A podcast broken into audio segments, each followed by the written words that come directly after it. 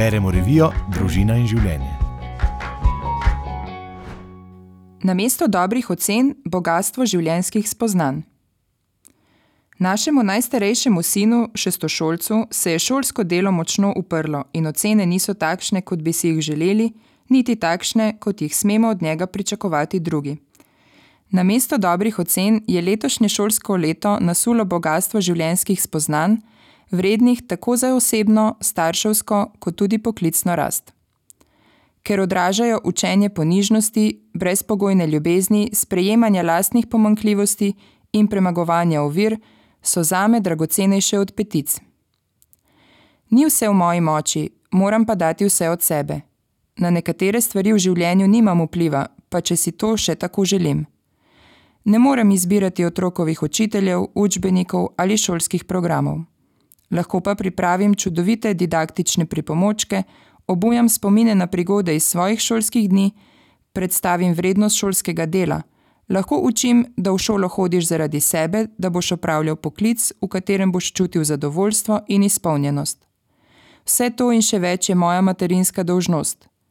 Ne smem in ne zmorem pa na mesto sina prevzemati nalog zgolj zato, ker je težko, ker se mu ne ljubi ali se mu upira.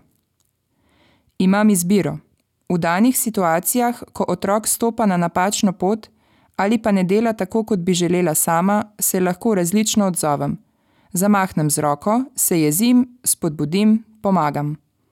Če tudi se v trenutku nemoči odločim za napačen odziv, imam vedno znova možnost, da popravim, se trudim ravnati drugače.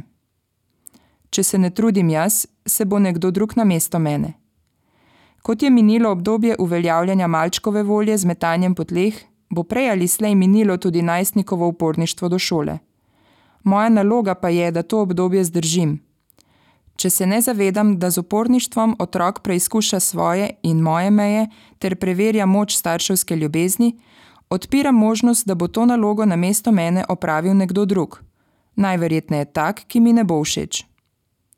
Dober vodnik je tisti, ki se rad uči tudi sam.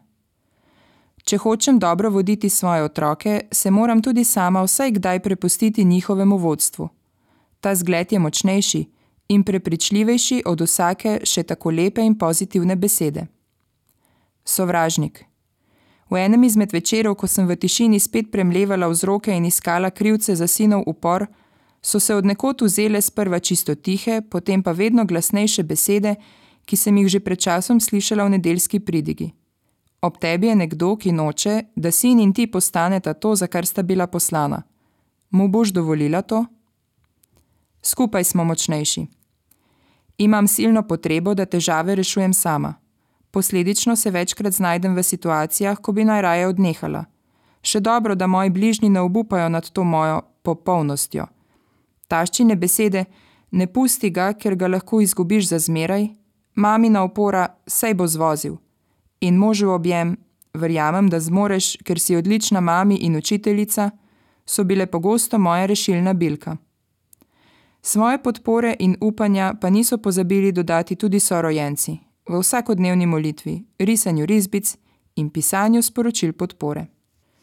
Šele ko je bilo res hudo, pa sem se končno spomnila tudi na prijatelja, ki je vse čas tiho in ustrajno čakal na moj klic: Prosim, pomagaj. Hvaležnost odpira vrata uspehu. V vrtincu upora, jeze, razočaran in neuspeha je težko biti hvaležen. Težko je opaziti napredek in ga pohvaliti, ko pa veš, da je drugi sposoben bistveno več, kot izkazuje.